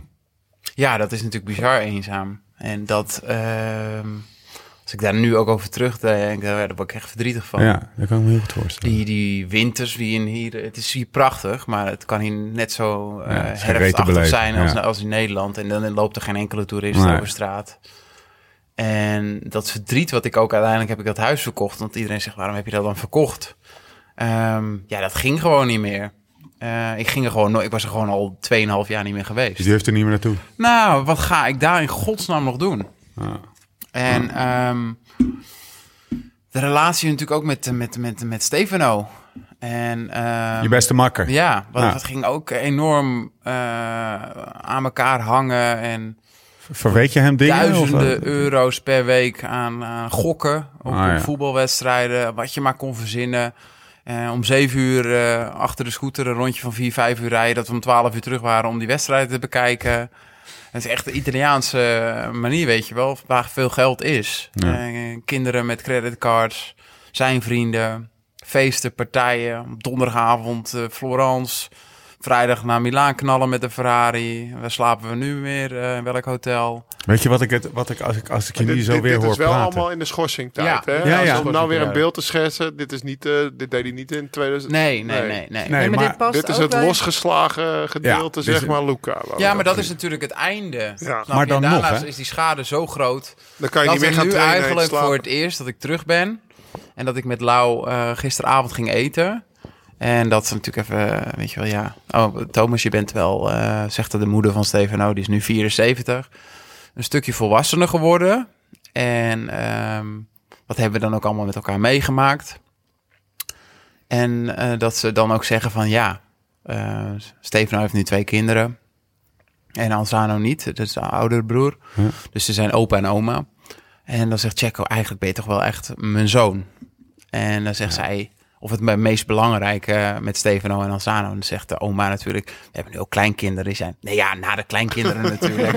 Weet je wel, gewoon heel logisch. Van, eh, Ja. ehm, Maar dit, is- kenmerkt, dit kenmerkt de relatie die jij met hem had. Maar dan, Ja. dan, dan ehm, eh, en die op een gegeven moment belangrijker werd dan de, dan de trainersrelatie. ja, Maar dan zit er nu tegenover mij in 2020 echt een wijze gast. Weet je wel, die echt wel denkt, slimme vent, praat dingen in, plaatst dingen in perspectief, kan reflecteren op zijn eigen gedrag, betrekt alles op zichzelf. Hoe kan het dan, is me de vraag, en ik heb het antwoord niet, en jij misschien ook niet, maar hoe kan het dan dat je zo fucking diep zakt in die ene donkere periode, dat je gaat zitten gokken en dat je, weet je, dat... nee, ja, dat gokken, en, dat en was je dan hebt wel meer... meer gedaan wat de Ja. zon niet eh, kan Maar dat verdragen, gokken, zeg dat was, niet, dat was dan echt Stefano's hobby. Dus ja, die moest natuurlijk... oké. Eh, want ik ben natuurlijk gewoon een Nederlander. Ja, maar je zat in een zwart gat. Ja. Je hebt het echt, je hebt echt wat dingen gedaan waarvan je nu denkt, kak, dat, Ja. Jesus, hoe had ik dat kunnen doen? Nee, maar dat zit nog steeds volledig in me. Die kant. Alleen, ik heb voor mezelf wel een keuze gemaakt. Die donkere kant, die zal er altijd blijven. En ja, dat is voor de buitenwereld misschien donker. Maar ja, we hebben het aangeleerd of het nou goed of fout is. Eh, volgens de maatschappij zijn er bepaalde dingen niet geoorloofd. Want ik doe dat niet. Dus eigenlijk als iemand anders dat wel doet. Eh, maar ja, we zijn ons hele duizenden jaren zijn we mensen aan het vermoorden. Worden er dingen gedaan in de wereld, zijn er oorlogen. Dus in principe wat ik heb gedaan, heb ik voornamelijk mezelf aangedaan. Dat is exact wat ik bedoel. Ja, Ja. Het is wel zo, daar waar we het aan het begin over hadden, hoe, hoe Italianen bijvoorbeeld met hun sporthelden Helden en Ja. ook met mensen omgaan. Hè? Dus een, een, een advocaat of een arts is hier een dokter. En als je inderdaad Ja. eh, iemand bent van enige naam en faam, dan word je hier met alle egaars ontvangen. En ik kan me voorstellen dat het voor Thomas soms, dat wordt het er niet Ja. Makkelijker om. Dat je op dat soort momenten, kijk, ik weet dat jij volgens mij een week na je schorsing al door Steven ook mee naar Ibiza werd Ja. genomen of Ja. zo. Hiermee praat je dingen voor jezelf ook heel makkelijker. Behoorlijk goed op het moment dat je Nou, op zo'n ik voetstuk weet, staat. ik weet niet of hij op dat... voorstellen. Misschien was je op dat moment wel beter over geweest met mensen die je ook niet Ja. zo naar de mond zouden praten. Ja. Of je op die manier Ja. zouden uitdagen. Maar juist met mensen die wat meer Maar met de voet in de klei staan. Nee, Nee, Schin op gul bijvoorbeeld. Schin Dus, op Gul. Assendelft. Hij zou Ja. goed passen als de Delft. Surhuisterveen. Eh, Nee, maar ehm, dat, zit, dat zit echt in, in, in, in mij. En, ehm, Hoe weet je dat? Hoe, waar, is, het, is dat iets waar je achter bent gekomen? Of hoe, hoe Nou ja, hulp kijk, gehad? het is natuurlijk. Ik heb, ik heb heel veel hulp gehad, maar ehm, ik ben natuurlijk verantwoordelijk voor alles wat er gebeurd is. En eh, als ik een ander karakter, als ik andere karaktertrekken had gehad, dan had ik dit niet over mijzelf afgeroepen. Eh, dit heeft me ook zover gebracht. Dit heeft me ook gebracht van waar ik nu zit en waarom ik het nu zo kan relativeren. En ik heb het geluk dat ik het voor mijzelf kan uitleggen, maar ook aan de buitenwereld gedeeltelijk. Ehm, dus dan, dan is er nog heel veel te doen ook in het leven. Maar stel je voor dat je wat minder welbespraakt bent en je woont in Surhuisterveen en je bent gestopt en je hebt dit allemaal meegemaakt. Dan moet je jezelf echt oprapen en doorgaan in het Ja. leven. En dat is wat een topsporter vergeet. Het is het makkelijkste wat er is om topsporter te zijn. Kijk, Lau is een heel verkeerd voorbeeld. Lau was al podcast aan het opnemen toen hij nog profielrenner was. En eh, over zijn toekomst aan het nadenken. Ja. En eh, een solide basis thuis. Ja. Is allemaal wat hij op zichzelf afroept, want dat is wie hij is. Ik ben compleet anders. Dus mij heeft het echt met die, die jaren nadat ik gestopt ben... is het nog veel extremer gegaan in mijn hoofd. Dat ik niet meer wielrende. Dat ik dus in Amerika was. Was nog veel pijnlijker achteraf. Thomas die dacht geen dag verder dan het werelduurrecord. Ja. Ja. jij weet de datum uit je hoofd waarschijnlijk. 25 februari. Maar hij dacht niet, hij heeft nooit daarna gedacht aan 26. Nee. Wat bedoel je Dat- daarmee? Wat bedoel je daarmee dus? Dat, eh, zijn leven ging op dat moment tot die dag. En nou, eh, uiteindelijk zat hij een week later met al zijn koffers het vliegtuig in Amerika. Maar dat is natuurlijk een vlucht. Maar de, Ja, die, die, die, die, die heeft nooit... de- maar dat heb ik... Dat zo, heb ik zo extreem is Thomas. Dat, die gaat voor een doel en dat is het. En daarna, ja, weet ik veel. Het zal wel. Of weet hij en veel. dat heb ik nog steeds. Dus dat. Ja. Ik he- weet nu ook door eh, mijn eh, vriendin José, eh, wat best wel eens moeilijk is, die totaal gestructureerd is. Een, een zoontje van acht, eh, een bedrijf, personeel, toekomst. Dit wil ik. Verantwoordelijkheden. Ik, ehm Lau belt mij op. Eh, ja, al waren we nu twee maanden gegaan. Ik had ook twee maanden meegekund. Ehm dus komen wat, wat, wat, wat, wat dingen op mijn pad. En eh, af en toe is er een... Ik heb ook nog nooit een agenda gehad in mijn leven. Dus alles zit er gewoon in mijn, in mijn, in mijn hoofd. Ehm, wat natuurlijk ook wel eens heel onrustig kan zijn. Dus ik probeer daar wel steeds iets in te veranderen. En, ehm, maar ik heb het echt enorm gewaardeerd, de tijd om dit allemaal te, zeg maar, te reflecteren. Op reis te gaan, voor het eerst alleen te zijn eh, in mijn leven. Wat ik ook nog nooit gedaan. Altijd een vlucht naar mensen. Eh, altijd gezelschap. Nooit naar huis geweest? willen. Ehm, nou, eh, verschillende plekken. Toen het, toen het klaar was, ben ik gelijk naar Tulum gevlogen. Toen wat klaar was, toen... Mijn relatie in Amerika. Ja. En eh daar heb ik de meest gekke dingen gedaan in, in gebeden. En ik ben natuurlijk helemaal geen gelovig persoon. Ehm of Gelukkig niet zo. niet zeg. Nee, ja, nee, ja, prima. Iedereen zoekt een houvast Ja. in het leven. Nee, voor je. En ehm, ehm, echt mezelf proberen te ontdekken. En dat maakte het er echt niet. Ik heb mezelf elke avond gevideo'd. Ik heb een dagboek bijgehouden. Echt, hoe diep je dan zit. Dat Ja. ik dacht van, nou ben ik klaar met wielrennen. Ik ben klaar met Amerika. En nu? En nu verder? Hoe moet dit nou? Ja, dan is het voor jezelf... eh, ja, dan kan je natuurlijk zelf medelijden gaan hebben. Want dit is allemaal niet eerlijk geweest. Het is allemaal niet eerlijk geweest. Maar ja, dat schiet natuurlijk echt niet op. Ehm, Zie je dat aan? Die fase ben je doorgegaan? ja, en Welke doorgegaan. fases, ja. Toen ben ik ook een paar maanden naar Bali gegaan. Heb die therapie ook nog doorgetrokken elke week via... Nu is iedereen aan het zoomen. Maar ik deed al zoomen voordat corona bestond. en alles opgenomen en uitgeschreven. En ehm, ja, ik ben heel dankbaar voor dat ik in die periode in L.A. dat bewustzijn heb gekregen. Ja. Van eh, de healers, de psychologen, de psychiaters, de relatietherapie. Ja.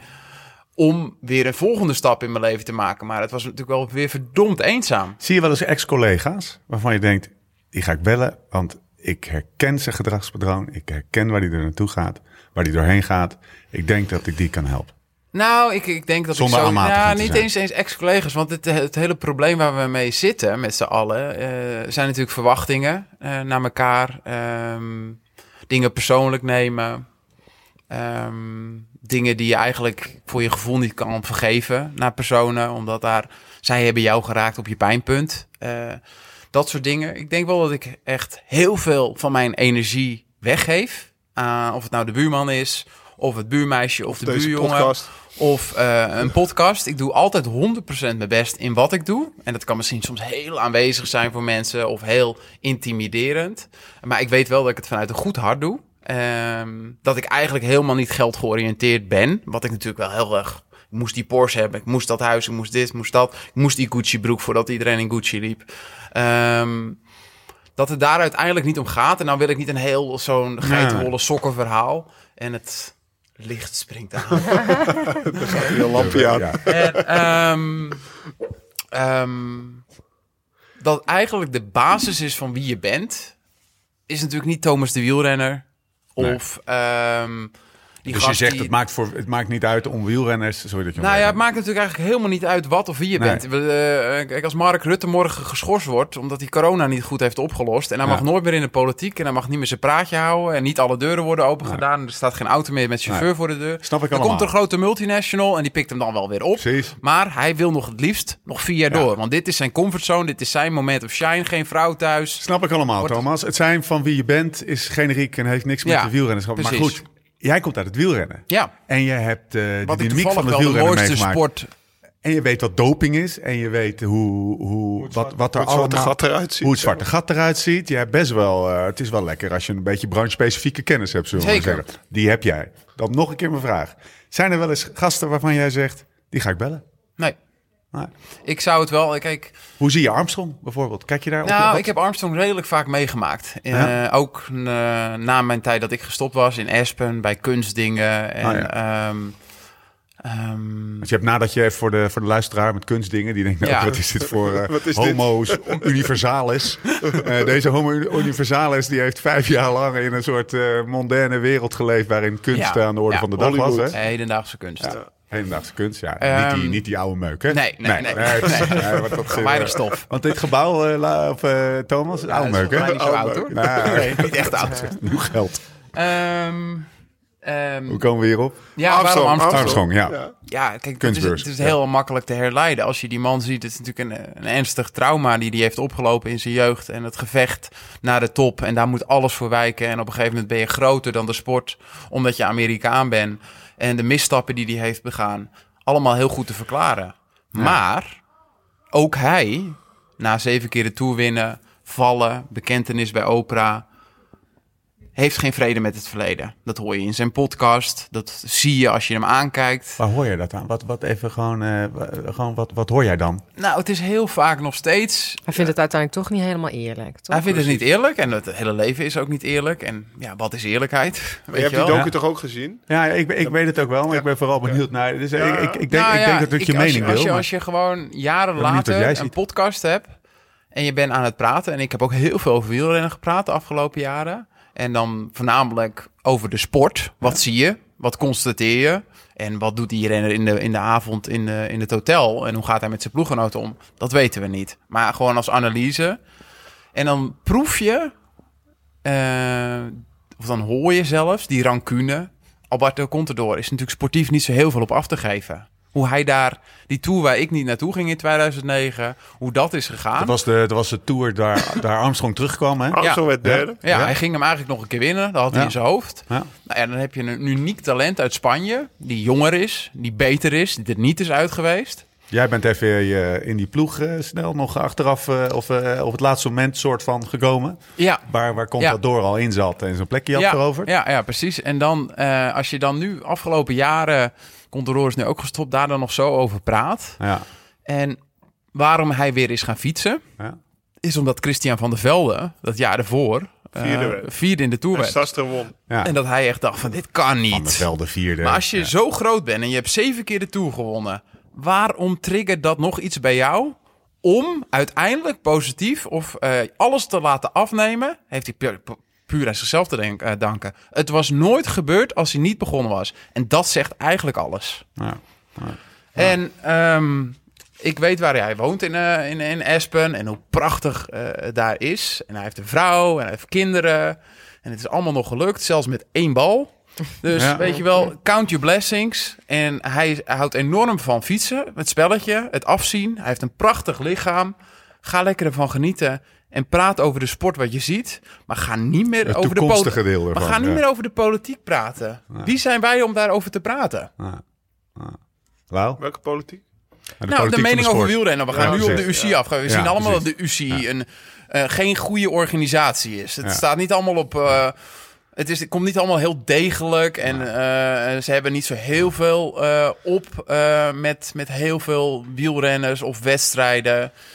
Ehm, het zit een uniek verdienmodel achter wielrennen. Er worden zoveel fietsen verkocht, shirtjes. De, de, de prachtige tochten worden er voor, de- voor, de, voor de, de Tour eruit eh, uitgezet. Eh, je kunt het niet opnoemen, maar zij kunnen geen verdienmodel... en een, een solide basis creëren waar het allemaal van uitgeregeld wordt. Voor de ploegen. Voor de ploegen. Dat Weet je wel, Ja. eh, die 20 ploegen. Waarom kunnen die 20 ploegen niet gewoon standaard 5 miljoen per ploeg kunnen eh, genereren als extraatje of als fundering? Eh, waardoor ze iets minder sponsorgeld moeten eh, regelen en dat ze gewoon Een, dat- duurzaam, een duurzaam bestaan. ja, een leiden. duurzaam model. Wat, Ja. wat is nou 20 keer 5 miljoen? Dat is 100 miljoen. Wat is dat nou als er voor miljarden aan fietsen, honderden miljoenen mensen die die wedstrijden kijken, alle Alpenkools die vol staan, iedereen kan wel in een hotel slapen, iedereen kan wel een nieuwe auto kopen en een fiets van 10.000 euro. Er is echt wel iets te vinden hoor. Zou jij ooit nog eens iets in het wielrennen kunnen doen? Behalve van de buitenkant. Oh ja, ja, nee, ja alles kan in het leven natuurlijk. Ja? Maar ik heb niet het idee dat je dan... Dat, met dat antwoord zeg je ook een beetje... Nou, wel, ik kan hier niet echt. Nou, je, je weet nooit hoe het gaat lopen in het leven. Maar ik vind het heel leuk om erover te praten. Ik vind het heel leuk om te kijken. Ik vind het ook weer leuk om te doen. Dus ja, stapje bij stapje. Misschien komen we ooit wel weer eens ergens eh, dat we... ehm, Ik vind in ieder geval blij dat hij dat laatste wat hij zegt, Om het te doen. dat is voor mij eigenlijk het belangrijkste. Waar leidt dat toe, Lau?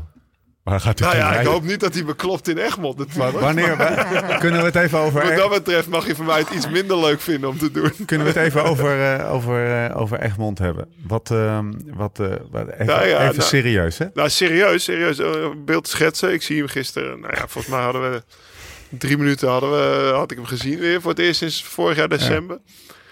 De datum van Egmond zit in zo. Hij heeft geen agenda, zegt hij niet. Nee. Maar eh, negen, Ja, Tering, dat valt me ook even op. Nee, maar dat valt me ook op. Jij hebt echt, dat heb jij ook. Dat is een wielrennersding. Feitenkennis, maar Ja, nee, maar niet zo, helemaal- maar gewoon data. Ja. Omdat je zo lang met 9, zo... 9 januari geloof ik op de afspraak in ieder ja, geval. ja, ja, hij gaat er staan. Maar Ja. eh, no- normaal gaat meneer skiën in december. Maar nou heeft hij vakantie naar niet, Mauritius in, geboekt. niet, niet in Val Thorens, hè? nee, nou, nee, meneer maar hij gaat nu naar de zon. Ja, oh, ja. Ja, twee weken ja. naar de zon. Ja. Op hoogte. Ja, Mauritius. Ik weet niet of daar een hoge berg is. Maar Nou, ik. Het in is ieder geval, er wordt echt aan- mountainbiken. er, komt, er wordt aan alle kanten rekening mee gehouden. Nou, en ik ga natuurlijk... Ja, ik ga, eh, ik, Hij gaat gewoon weer- bij mij ook wel weer wat. Hij, hij gaat Ja, is natuurlijk gewoon een kerststolletje eten. De derde kerstdag bij Bart en Meijer Dekker. Op de. Maar- maar- Jij ging vroeger altijd langs, hè? Dat was ook een mooi verhaal. Ja, samen eigenlijk. Hè. Ja. Dus tweede kerstdag. Nou ja, daar is eigenlijk onze vriendschap van ontstaan. Ik denk dat ik amateur was of junior. Of, en Thomas, of Thomas was junior, ik was amateur. En iedere tweede kerstdag probeerden we echt vijf uur te fietsen. En het liefst de eerste kerstdag ook al een paar uurtjes. En dat pakten wij als winst ten opzichte van nou ja, onze medecoureurs. En vandaag zei En dan tegen werd er Thomas- altijd even bij een paar maat dekker gestopt. En dan st- stond er een eitje klaar of een stolletje klaar. En nou ja, ik weet wel wel, ik, ik heb het niet altijd gedaan de laatste jaar. Maar ik moet iedere tweede kerstdag thuis denk ik eigenlijk wel, als ik op de fiets zit, moet ik eigenlijk even daar langs fietsen. Ik, ben, ik heb ook denk ik ook wel eens voor een dichte deur gestaan of zo, waar ze aan het eten. Maar was ik toch even... Mooi, hè? Ik Dat, kom gaat keer- dat doet hij dan wel. Het is een doodlopende straat, volgens Ja. mij. Dus het Ja. is ook niet eh, iets waar je vaak gewoon langs fietsen. Of dat je even... Dus, maar dan, eh, dan rijdt het straatje even in en dan, eh, nou ja, weet je. Dus, maar dat zijn wel gewoon, ja, zo waren wij vroeger. Wat Thomas zegt, eh, hij ging, voordat hij hier ging wonen, wilde hij toch nog even stiekem vier keer 30 uur trainen. En daarna hoorde hij wel wat hij echt moest doen, zeg maar. Dus, nou ja, en dat hij het nu weer leuk vindt om te doen, dat vind ik wel fijn om te zien dat, dat we dat ook hebben mogen triggeren met de podcast. Want Ja. uiteindelijk is het natuurlijk een liefhebber. En, Dit eh, wordt en een dag. Nou Dit ja, gaan we-. Dit gaan we. Ik zie, ik zie filmscripts, ik zie podcastseries, ik zie... Oh, jongens. Ja, Nee, joh, ja. ik zit zelfs uit te denken om... Ben je nou een om- kuch zo van? Bullshit. om, nee. Kill him. Ik denk, ik ga, blokje, ik ga misschien wel blokjes doen. 40-20? Ja, en op die Wahoo zitten, weet je wel. En, eh, juist, die- vandaag heb ik 40-20's gedaan. Nou, dat had ik natuurlijk. Je had een ik reed bij hem weg op die Montserrat. Ik Maar denk, ja, ik ga gewoon even- 40 doen, weet je wel. Dat heb ik denk geen, geen vijf jaar gedaan, bij wijze van spreken. Wielrenners onder elkaar, toch Dus, nog even eh, zeggen. Ik reed weg ja, van. nou, hij heeft, eh, ook- andersom is er ook wat getriggerd. Oh, interessant. Nou, ehm, eh, leuk om weer te zien. Ja, heel, Renate? ja, nee, heel, ja. Ik heb, ik heb, wij zijn elkaar een beetje uit het oog verloren, omdat eh, op, op een gegeven moment hebben we een soort akkefietje gehad. Oh, Ja, een serieus akkefietje. Nou ja, dat, heb je een quoteje? Nou ja, het was, voor, ik, voor, voor mijn gevoel zat ik daar wel een beetje fout. Maar op dat moment dacht ik daar natuurlijk anders over. Maar wij waren goed met elkaar bevriend. En oh, ja, hij wordt, hij, wordt eh, positief bevonden. En eh, ik werd natuurlijk, ik schreef op dat moment een column voor het Algemeen Dagblad. Ehm, mensen wisten dat ik natuurlijk hier in Luca woonde en, en redelijk dicht eh, op Thomas zat. Dus ik werd bestookt, ook door mensen uit de, de, de, de, de media. Van hoe zit het met Thomas? Kun jij niet een keer een verhaal maken? En wat ik net al eerder zei, dat is lastig, want je voelt je bezwaard. Omdat je, omdat je die grens natuurlijk over bent gegaan van, van eh, journalistieke onafhankelijkheid. En, en, en op een gegeven moment is er toch, toch een moment gekomen. Volgens mij had Thomas een soort uitlaatklep via zijn column in, het, eh, in de Telegraaf op dat moment. En volgens mij dacht ik toen van ja, hij, hij heeft toch zijn uitlaatklep in de Telegraaf. Weet je wel, Hmm. daar reageert hij meer op, nieuws, eh, op nieuwsberichten. Dus ik weet nog dat ik toen een keer tegen jou zei van moet je toch een keer spreken. Laten we even een koffie drinken. Dat hebben we gedaan volgens mij, eh, waar we gisteren een aperitiefje aan de Aperol zaten. En toen zei ik tegen Thomas van... Weet je, ik vind het heel lullig, maar ik ben ook journalist, weet je wel. En ik, en ik werk voor het AD. En is er, is er niet een, eh, een mogelijkheid dat ik dan met jou op een moment dat het jou uitkomt... een keer een groot verhaal met je maak, een human interest verhaal... ehm, over wat je deze maand allemaal overkomen is en, en, wat, er, wat er met je gebeurd is. En, en ik weet nog dat, en dat snap ik nu achteraf wel. Hij, ja, jij pakte dat natuurlijk echt van, fuck, weet je wel, je, je bent een vriendin van mij. Hoezo durf je deze vraag te stellen?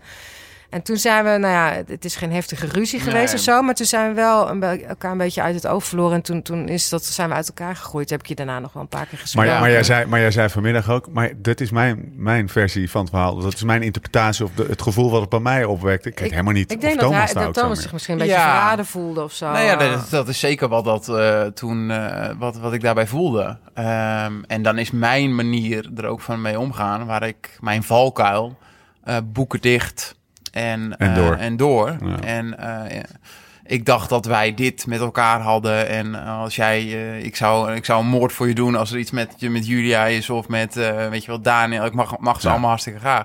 En dat is natuurlijk niet goed, want je kan dat veel beter uitpraten. Maar dat is nu. Maar dat kon ik toen echt niet. Persoonlijke Dus je wel, relatie boven professionele relatie. ja, maar Dat, dat, ik, ik begrijp ook heel goed. Eh, Werkt in Italië, correspondent, de link, de druk vanuit Nederland. Eh, weet je wel, het is allemaal van twee kanten heel verklaarbaar. En ehm, als ik je nu zie, en de eerste dag dat ik je zie en ik geef je een knuffel, denk ik van ja, ehm, natuurlijk eh, heb ik heel veel meegemaakt en vergeet je best wel veel dingen. Maar als je dan hier bent en je beleeft dat weer opnieuw. Het is echt een goede serie hoe je de goed mag ging. eh, Ja. mag doen, hè? Best kan er wat Nou, op echt- tafel. Ik vond het echt een gekke.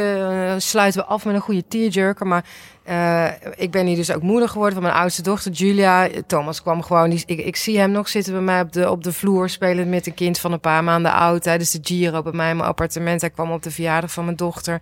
Toen ze één eh, was. En vanmiddag ben ik aan het facetimen met Julia, die nu bijna 13 is. Haal ik Thomas er even bij. Weet je, ja, toen dacht ik wel erg van. Nu kun je me wegdragen. Weet je. Ja, Wat een, gelikte, wat een gelikte baas, hè, Lau, die gozer. Ja, wat een gelikte baas is het. Ja, ja. Komt hij nog even die, die wieder goedmachingsnietsel uh, Ehm, we, gaan, eh, we gaan afsluiten. Maar niet alvorens. Ik zeg dat eh, als je vragen hebt, beste luisteraars, of opmerkingen, schroom dan niet. We zijn gewoon per mail beschikbaar. podcast.liveslowridefast.com Maar natuurlijk ook via Twitter en Instagram. Lauwerdam, het Thomas Dekker. Hij Gaat wel- gaat wel lekker. allemaal. Gaat wel lekker, gaat wel lekker met jou. wel.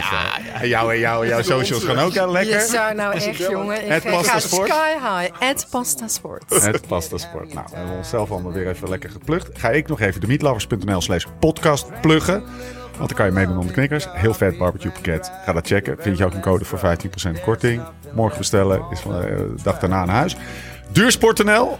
voor een shitload aan informatie. eh, en natuurlijk ook een korte code. Ga dat checken. Laat een reviewtje achter op, eh, op iTunes. Ook als je vandaag Thomas eh, gehoord hebt en denkt, nou, wat, is, wat een schat is dat? Of wat, is, wat kan Liederwijn? Wat heeft die ontzettend goede podcast?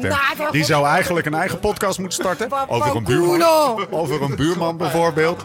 Dan, dan, dan, dan, dan, dan, dan kan dat gewoon. Waar knal, waar knal ik overheen? Ah, Liederwijn.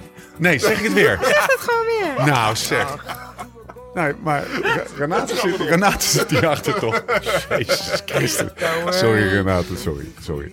Eh, maar waar jullie overheen knallen, met jullie eh, Oh. eh, gebabbel, is dat er een, eh, een, eh, deze, deze trip een, een podcast format uit is gerold en ontstaan is. We gaan er niks over zeggen. Goeie cliffhanger. Goeie Oh ja. cliffhanger. Maar binnenkort Moet in je uw wel feed. even bijpraten. vandaag. Binnenkort in uw feed. Misschien wel in de Live Slow Ride Fast feed. Ehm, nou, Passensport 2.0. Waar gaan we nu? En het- waar hebben we het over? Het is, eh, we zitten nog steeds. Het is inmiddels donker geworden. We zitten nog steeds. We, hebben, we zaten in de tuin en we zijn ondertussen onder de, onder de heet luifeltje gaan zitten. Het luifeltje gaan zitten. Ik zit in de, in de ingang en jullie zitten nog buiten. Eh, het is donker geworden. Het is ook wat frisser geworden. Het is dinsdag 4 augustus, kwart over negen. Nou, dat lijkt me een uitstekend moment. Wij worden om half tien verwacht bij Dabafo, de snor. dus eh scheer jullie baardjes maar af en hou alleen nog maar een snor over. En we gaan lekker Tabafo. Aan de Vino. Dit is ook een beroemde wijnstreek, hè, rondom Monte Carlo. En eh, lekker eten, jongens. Oh jongens. Nou, ehm, we zijn er doorheen. Aflevering 70. Renate, niet Liedewij. Renate, Liedewij spreken de volgende keer. Cliffhangertje, Thomas, Goudjongen, dank voor je openhartigheid. Eh, bedankt. Ik spreek jou denk ik nog wel eens. Eh, hoe dan ook en waar dan ook. En voor de tussentijd, Live slow, ride fast.